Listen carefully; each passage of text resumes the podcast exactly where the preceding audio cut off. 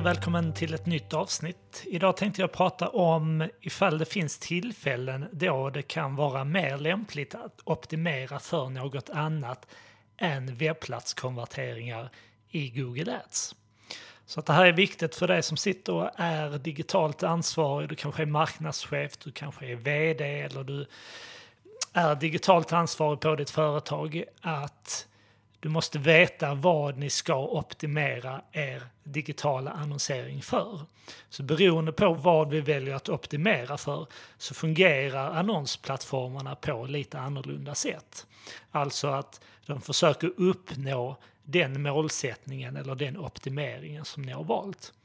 Och det vanligaste här är att man då har implementerat konverteringsspårning på sin webbplats och sedan väljer man då att optimera för de här målen när man exempelvis annonserar i Google Ads, men det kan även vara i sociala medier.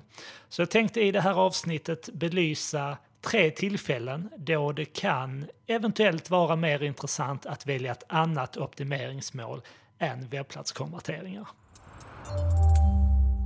Så ett tillfälle där man kan tänka sig att använda en annan målsättning det är om man vill få så stor synlighet som möjligt på en viss sökning. Och då kan man välja att optimera sina kampanjer för exponeringsandel istället. Det här använder vi om vi exempelvis vill skydda vår plats från konkurrenter. Det är exempelvis vanligt att företag väljer exponeringsandel när man kanske köper sitt eget namn. Om det är så att man är konkurrensutsatt, det är många konkurrenter som köper eh, sitt företagsnamn eller de varumärkena som man har. Om man då vill skydda den platsen så att inga konkurrenter visas när kunderna faktiskt söker efter just ert företag eller era varumärken. Ett annat tillfälle då man kan använda det, där om man vill befästa sin position som marknadsledande inom ett visst område eller om det är viktigt att ta en vad ska man säga, ledande position på ett visst sökord där man vill um, vara det självklara varumärket.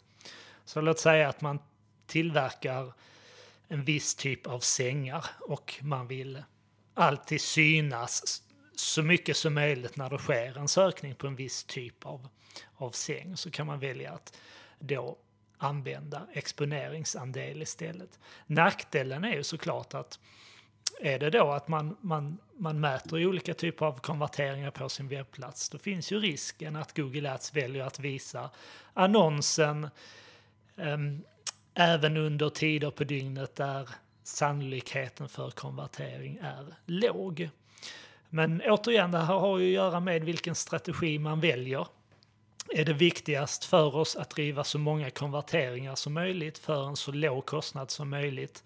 Eller har vi en målsättning där vi behöver syna så mycket vi bara kan på en viss typ av sökning? Ett annat tillfälle då det kan vara intressant att optimera för något annat än webbplatskonverteringar det är exempelvis om vi använder någon typ av programvara på vår webbplats där vi vill utläsa vilka företag som har varit inne och visat intresse för våra produkter och tjänster. Jag tänker på programvara som exempelvis Leadfeeder, men det finns ju massor med andra liknande verktyg.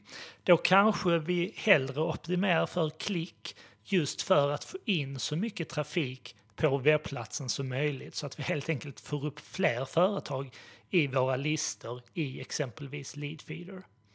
Istället för att Google Ads väljer att visa annonserna då sannolikheten för konvertering på webbplatsen är som högst. Utan att vi då väljer att optimera för klick istället. Det tredje tillfället där vi kanske vill optimera för något annat än webbplatskonverteringar det är om vi primärt får in kunder via telefonsamtal. Och då kan vi optimera för samtalsklick istället och använda samtalstillägg i våra annonser. Vilket innebär att man kommer att kunna ringa verksamhet direkt från annonserna i Google. Och då kan vi säga till Google Ads att det vi vill uppnå med våra annonser är att få så många som möjligt att ringa till oss via annonserna. Och då väljer vi att optimera för samtalsklick istället. Så för att sammanfatta tre tillfällen då det kan vara mer relevant att optimera för något annat än webbplatskonverteringar.